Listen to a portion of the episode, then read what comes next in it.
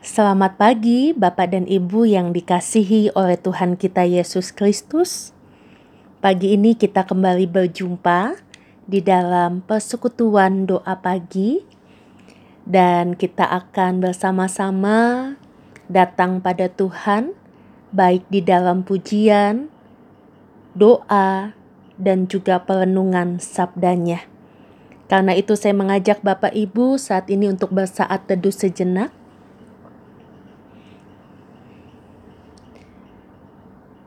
Dan biarlah lewat lagu Taize yang pagi ini akan Bapak Ibu dengarkan, di situ membuat kita semua betul-betul mengalami pergumulan untuk selalu dekat dengan Tuhan di dalam doa. Tinggallah bersamaku.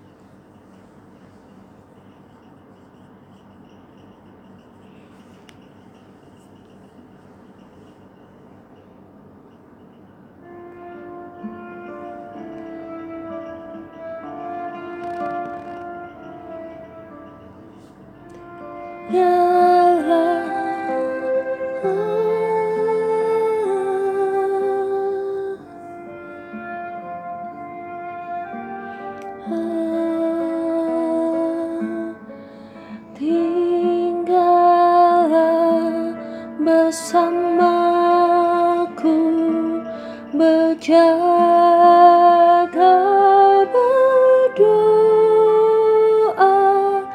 berjaga berdoa. Tinggallah bersamaku berjaga.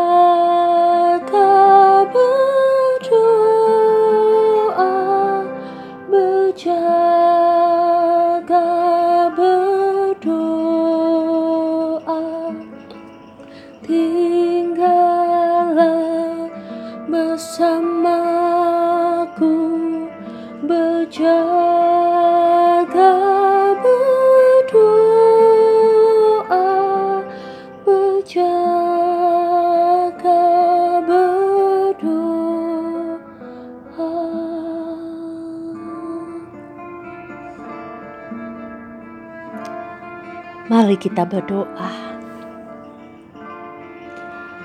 Saat ini ya Tuhan, kami datang ke hadirat-Mu di dalam doa. Kami sungguh rindu untuk tinggal bersama dengan Tuhan, karena di situlah ada ketenangan. Di situlah kedamaian boleh kami rasakan, dan kami dimampukan untuk berjalan dengan langkah iman, karena Engkau beserta dengan kami. Terima kasih, Bapa. Ketika di pagi ini kami diingatkan untuk mengawali hari yang baru bersama dengan Tuhan di dalam doa dan juga perenungan sabdamu. Kami percaya Tuhan akan memberkati setiap kami sehingga lewat firman yang akan kami pergumulkan bersama-sama, di situlah kami boleh semakin serupa dengan Engkau. Karena Engkau menuntun setiap kami untuk menjadi pribadi yang lebih baik dan lebih baik lagi, sehingga nama Tuhan boleh selalu dipermuliakan. Inilah kami Bapa Bentuklah kami sesuai dengan kehendak-Mu, sehingga kehidupan kami pun boleh memuliakan nama Tuhan.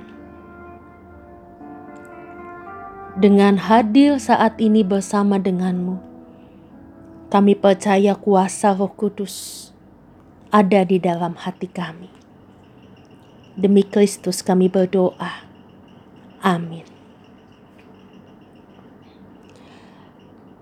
Firman Tuhan pada pagi hari ini diambilkan dari kitab Yakobus. Yakobus pasal yang keempat, ayat pertama sampai ayat yang ketiga.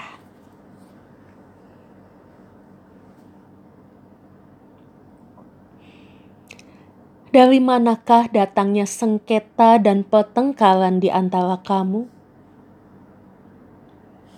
Bukankah datangnya dari hawa nafsumu? Yang saling berjuang di dalam tubuhmu. Kamu mengingini sesuatu, tetapi kamu tidak memperolehnya.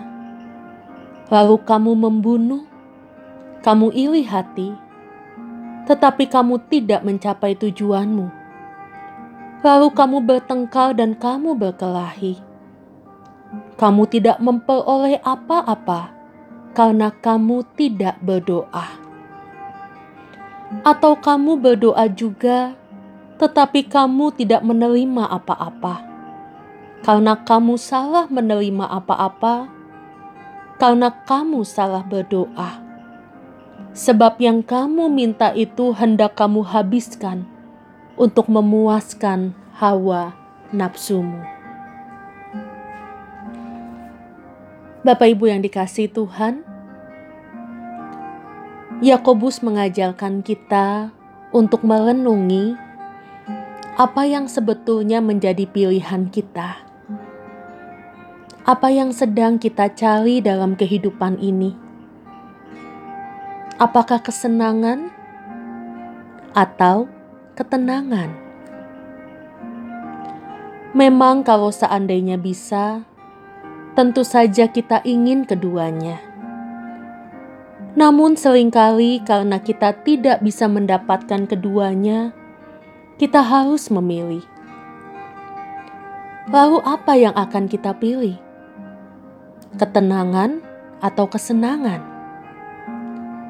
dalam rumusan pertanyaan yang lebih bersifat teologis. Sebenarnya, apakah yang ingin kita lakukan dalam kehidupan ini? Apakah yang kita cari hanya kesenangan, dan karena itu kita memperhambakan diri kepada hawa nafsu kita? Ataukah kita mencari damai sejahtera, dan karena itu kita memperhambakan diri kepada Allah? Jawaban atas pertanyaan ini sebenarnya amat bergantung pada pemahaman kita tentang diri kita sendiri. Siapakah manusia itu sebenarnya? Kalau kita memahami manusia itu sebagai makhluk ciptaan Tuhan, dan yang kita cari adalah ketenangan, damai sejahtera, tentunya kita akan mengabdikan seluruh kehidupan kita kepada kehendak Tuhan. Itulah yang Yakobus katakan dari ayat pertama hingga ketiga dari pasal 4 ini. Kalau hawa nafsu yang kita jadikan tujuan hidup kita, hasilnya bukan ketenangan, bahkan bisa juga bukan kesenangan pada akhirnya, melainkan sengketa, pertengkaran, konflik, dan ketegangan. Kalau diterjemahkan menurut bahasa aslinya, yang dihasilkan sebenarnya adalah peperangan. Akal ketidakkesejahteraan, ketidakdamaian manusia adalah kalau manusia itu mengikuti saja keinginan hawa nafsunya dan tidak dapat mengendalikan dorongan-dorongan yang ada di dalam dirinya. Mempunyai keinginan adalah sesuatu yang wajar. Coba bayangkan kalau Anda sudah tidak menginginkan apa-apa lagi. Bahaya, bukan? Namun, bagaimanapun, itu semua tetap harus dikendalikan, kata Yakobus. Manusia itu terdiri dari kesatuan tubuh, jiwa, dan roh. Dalam hal bertubuh dan berjiwa, manusia sama dengan binatang. Binatang juga mempunyai tubuh dan jiwa. Perbedaan antara manusia dan binatang terletak di roh. Manusia mempunyai roh, dan itulah yang membuat manusia menjadi manusia seutuhnya sedangkan manus sedangkan binatang tidak mempunyainya.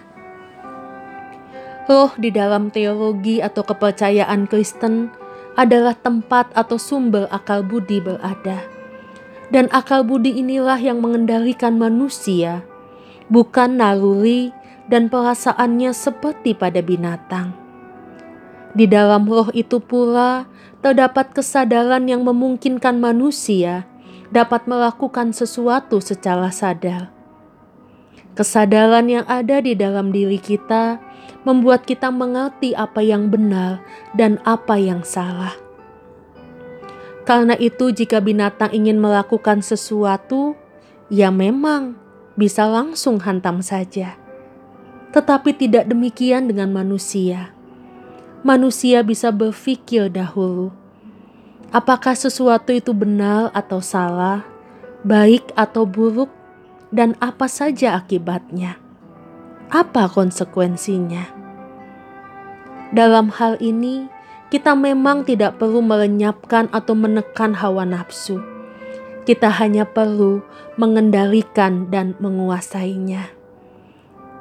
Karena itu, biarlah di dalam ketika kita berdoa, kita sungguh meminta pada Tuhan supaya kita bisa memilih tidak hanya kesenangan, tetapi juga ketenangan. Sehingga ada damai sejahtera, dan kita juga bisa menekan segala ego, hawa nafsu, dan akhirnya kita tidak menjadi batu sandungan untuk orang lain, tetapi kita dipakai oleh Tuhan menjadi berkat yang luar biasa di tengah-tengah kehidupan sesama.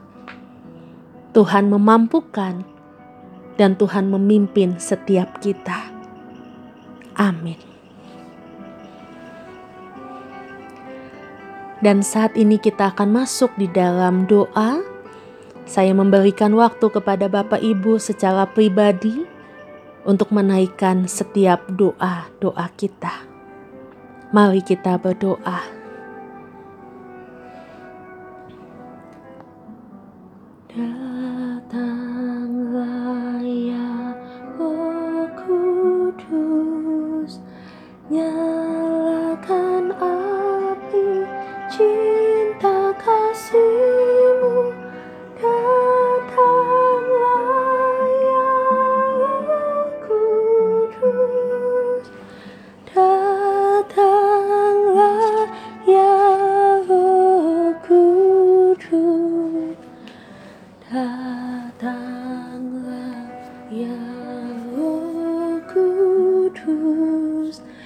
Bapa,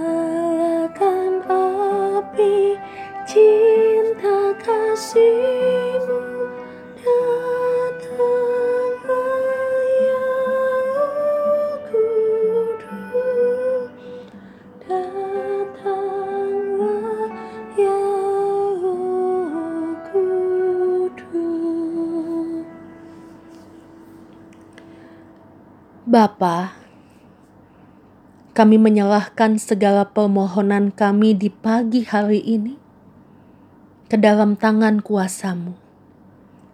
Karena kami percaya Tuhan Engkau adalah Allah yang mengetahui apa yang menjadi kebutuhan kami. Ketika kami membawa persoalan kehidupan, biarlah kami sungguh dikuatkan Ketika kami berdoa mengharapkan sesuatu, biarlah kami juga diberikan kesabaran. Ketika firman Tuhan menegur setiap kami, karena sering kali kami memilih untuk mencari kesenangan ketimbang damai sejahtera dan juga ketenangan. Biarlah kuasa roh kudus yang selalu mengingatkan kami Bapa. Di dalam kehidupan ini, kami boleh menjadi saksi Tuhan. Terima kasih Bapa di dalam surga. Kami menyalahkan apa yang menjadi perjalanan hidup kami pada hari ini. Karena kami percaya Engkau adalah Allah yang selalu menenun apa yang menjadi yang terbaik bagi setiap kami. Inilah doa kami Bapa. Di dalam satu nama Tuhan kami Yesus Kristus kami berdoa. Amin. Selamat pagi, Bapak Ibu.